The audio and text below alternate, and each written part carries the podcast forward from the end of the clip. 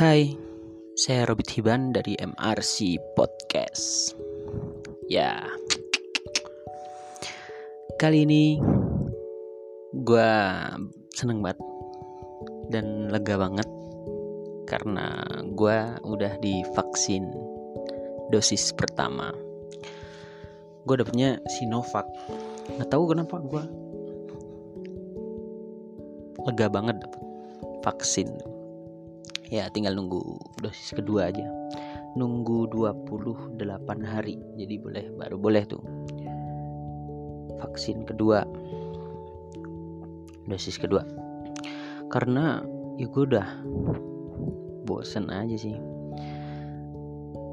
Hampir 2 tahun ini gue nggak nggak berangkat kuliah.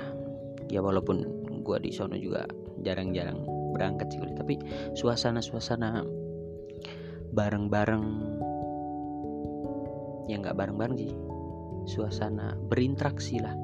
Pokoknya berhubungan sama orang-orang. Itu gua, udah gue kangenin banget sih. Dan gini gue juga baru tahu ternyata kalau orang positif corona itu nggak boleh vaksin. Jadi vaksin itu sistemnya mengaktifkan sistem imun tubuh kita. Makanya isi dalam vaksin itu ya virus virus tapi yang udah dilemahkan jadi ketika masuk ke tubuh kita nah di situ antibodi kita itu tumbuh. Jadi melawan virus corona itu sendiri bukan virus, eh, virus corona yang udah dilemahkan. Makanya namanya vaksin. Nah ketika tubuh kita masih positif corona itu nggak bisa divaksin karena tubuh kita sedang melawan virus yang lebih ganas itu yang asli virus corona itu. Makanya sebelum vaksin itu pasti ditanya nanti screeningnya itu punya penyakit apa darahnya berapa ada gejala ini gejala nah ini yang terakhir itu pasti. Pernah ada gejala positif corona apa enggak gitu. Nah yang bikin ribet itu gue pernah gitu kan.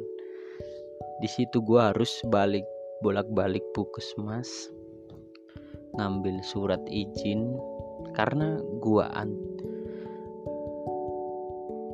gua apa namanya gua antigen swab itu swab antigen dan gua mau vaksin itu beda puskesmasnya makanya ya namanya orang biasa lah pasti diperibet. Bukan siapa-siapa. Ya, belum siapa nggak tahu dah pokoknya. Gue diperibet pas itu. Makanya gue bi bilang kenapa gue dapet vaksin itu lega banget ya. Karena 70% ketika Indonesia itu udah divaksin warganya. Nanti kita kemungkinan bisa hidup. Ya walaupun nggak balik kayak normal lagi tapi kan minimal kita udah bisa berinteraksi sama orang.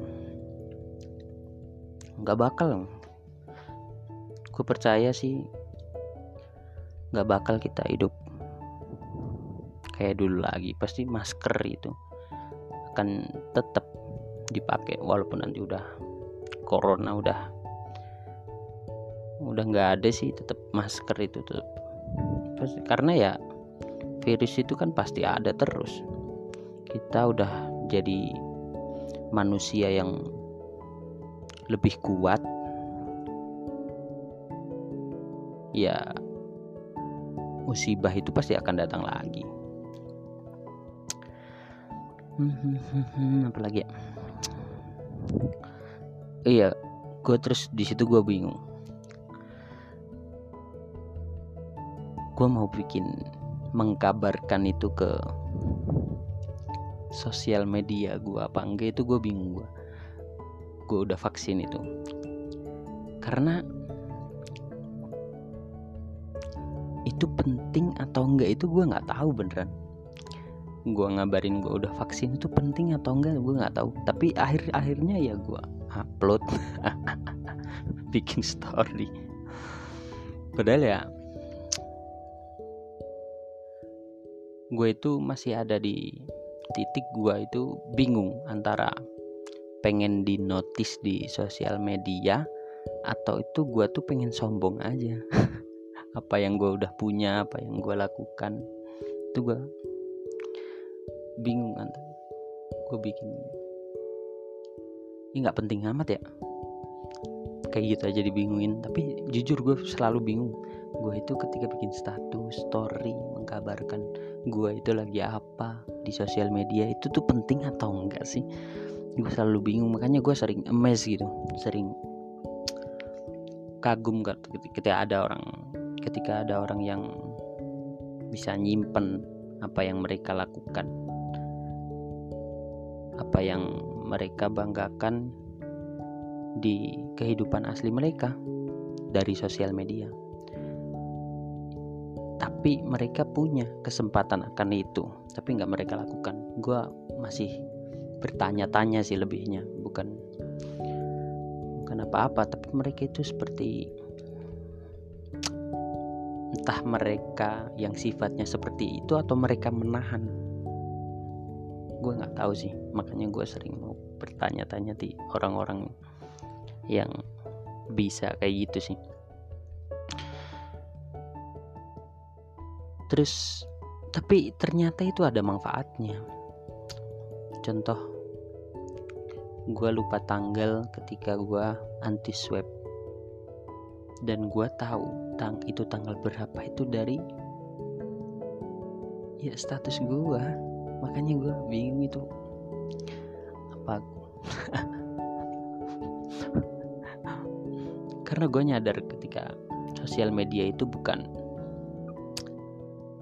bukan buku diari gue makanya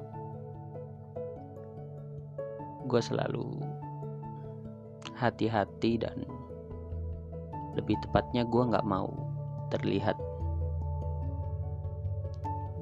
gua yang asli itu di situ gua nggak mau sih. Ya gue di sosial media gue yang palsu. Gue yang nggak gue sebenarnya. Itu terus gue masih lebih bingung lagi ketika ada orang yang ngepost suatu hal yang bijaksana kata-kata yang mungkin mereka merasa keren kalau di sharing-sharing. Itu mereka itu di titik mana sih sampai? Eh gua itu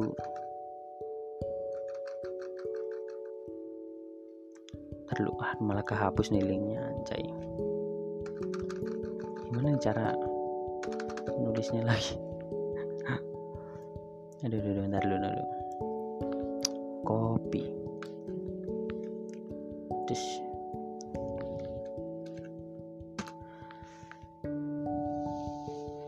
Ad, oh iya sampai mana tadi? Hmm, gua selalu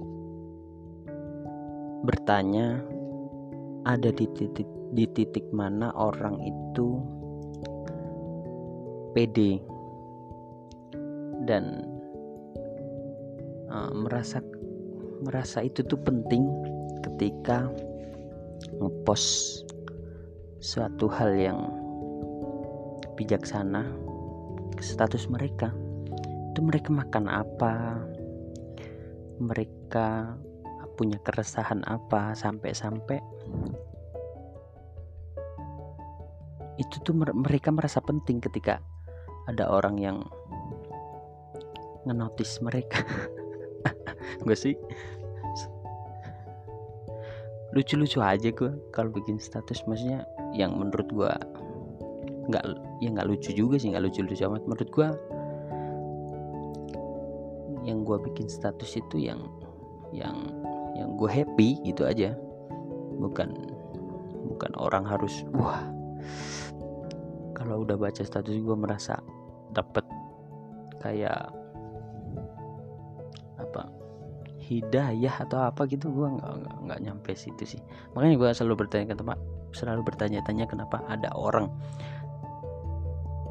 bikin status yang bijak di di sosial media itu mereka ada di titik mana sih? Keresahan apa yang mereka dapatkan? Sampai sampai kata-kata bijak itu di share itu gue selalu bertanya-tanya sih. Sepede itukah atau emang guanya yang nggak pede atau atau juga sih. Ini nih gue ada berita yang ini subjektif banget beritanya. Gue dapat dari temen gue sih. Asem sebenarnya gue nggak pede sih ngomong-ngomong soal Jakarta padahal gue bukan orang Jakarta gue dari orang pedalaman. Antah berantah. Orang ngomongnya jauh. Sok-sok sok-sok Jakarta koyong ini. Sebenarnya gue nggak pede tapi gimana nggak tahu gue udah lakuin aja dah. Nggak pe nggak pede tapi dilakuin. Aduh aduh aduh. Nih beritanya beritanya gue dapet ini subjektif banget dari gue jadi bukan gue merendahkan tapi ini memang gue baca fakta aja. Hmm, tapi faktanya ini kayak sedikit merendahkan makanya gue bilang gue subjektif aja udah. Studi dari suara.com ya. Ada artikel studi. Orang yang suka posting kata-kata bijak punya IQ lebih rendah. Tapi IQ lebih rendah juga bisa sukses kan? Bisa bahagia juga. Jadi nggak menentukan. Mau IQ rendah mau IQ tinggi sama aja dah. Intinya gue baca aja dah beritanya. Sedikit lucu juga sih beritanya makanya gue mau baca. Hmm, jadi itu judulnya studi studinya itu judulnya orang-orang yang suka posting kata-kata bijak punya IQ lebih rendah nah di media sosial seperti Instagram sering kita temui banyak bertebaran quote-quote inspirasional atau kata-kata bijak. Namun tahukah Anda sebuah penelitian menemukan bahwa orang yang menyukainya dan senang membagikannya di media sosial sebenarnya memiliki tingkat kecerdasan atau intelijen quotient quotient. Gimana bacanya? Gue nggak tahu. Bodoh banget gue intelijen quotient. Quotient apa quo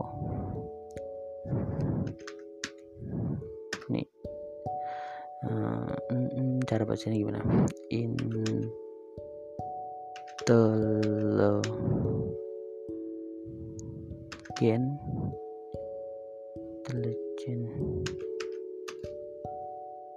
quo mm, mm, mm, mm, mm, mm, mm.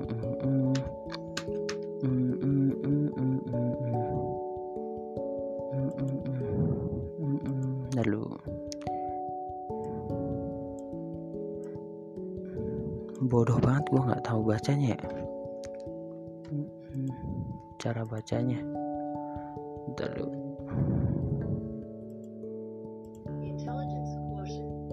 intelligent quotient. Tuh tuh cara bacanya. IQ dah. Lebih rendah. Tingkat kecerdasan atau IQ lebih rendah.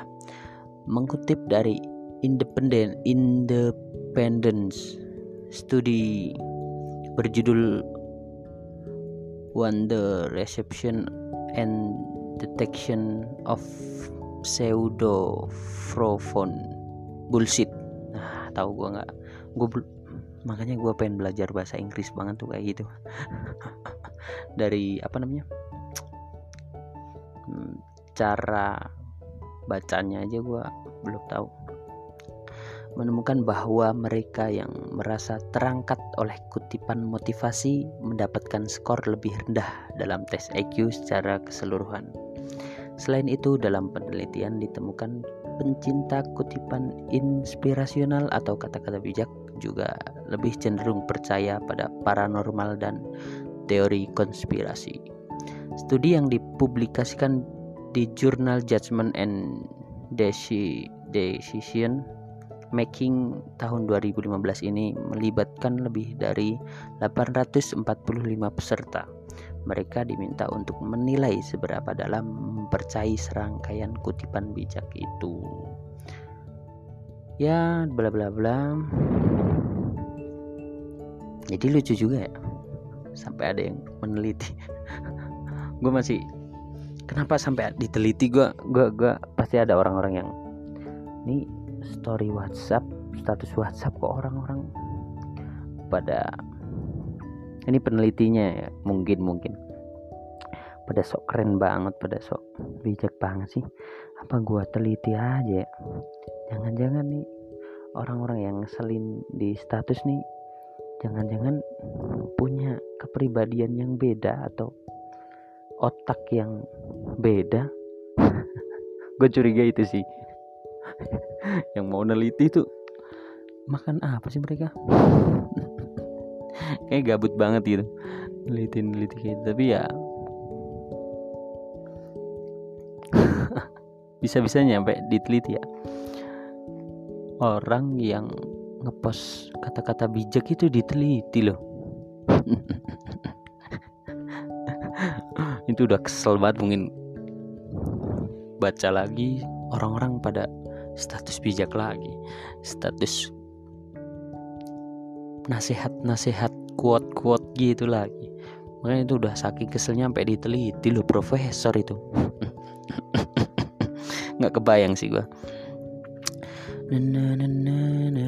Karena gue tuh suka dan kenapa selalu nyambung sama orang yang selalu merasa gelasnya kosong gitu. Dan gue juga kosong. Jadi nggak datang itu nggak bawa beban nggak bawa gelas terus ditumpahin ke orang gitu. Gue selalu suka bicara sama orang yang kayak gitu. Karena belajar dengan keterbasa keterbatasan gua uh, oh ya orang orang ngerti nih nyong. Bahasanya kerennya tuh. Dari jauh lebih nyaman sih buat gua. Jadi belajar karena bener-bener bodoh itu lebih asik. Makanya gue selalu iri sama orang-orang yang mereka tuh jenius besar pintar dan apa pun itulah. Karena ya nggak tahu mungkin karena gue belum selesai dengan diri gue sendiri di umur yang 20 tahun ini cuy 20 tahun lu tahu sendiri kan? Masih nggak jelas.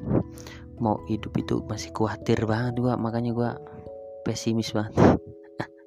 20 tahun ini mau apa? Antar mau apa 10 tahun lagi mau jadi apa gua? Nggak tahu gua. Makanya gue pengen ketika gue ke mana-mana gue pengen selalu jadi gelas yang diisi sama orang.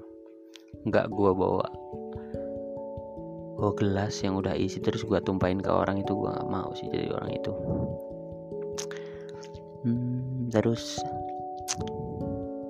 karena gue peran gue nyadar peran gue di dunia ini di alam semesta ini kecil banget loh remah-remah bahasa gue baca. Apanya siapa ya? Pokoknya dia bilang gimana ya? saya itu terlalu kecil di universe di galaksi yang besar ini terlalu apa peran kita cuk? Kecil banget peran kita cuk. Belum kalau ada makhluk yang mempunyai kesadaran di mana alam mana itu kan makanya gue selalu pengen jadi gelas yang diisi orang. Karena itu sih. Karena gue ngerasa peran gue itu masih apa untuk hidup ini ya? Kalau buat gue sendiri sih ya gue intinya gue bisa bertahan aja. Tapi kalau buat orang lain dimensi lain tata surya lain itu gue terlalu kecil sih. Dari pelosok antah berantah ini. Ah apa cuk peran juga nggak tahu. Itu aja kali ya podcast kali ini. Dadah. Gitu aja dah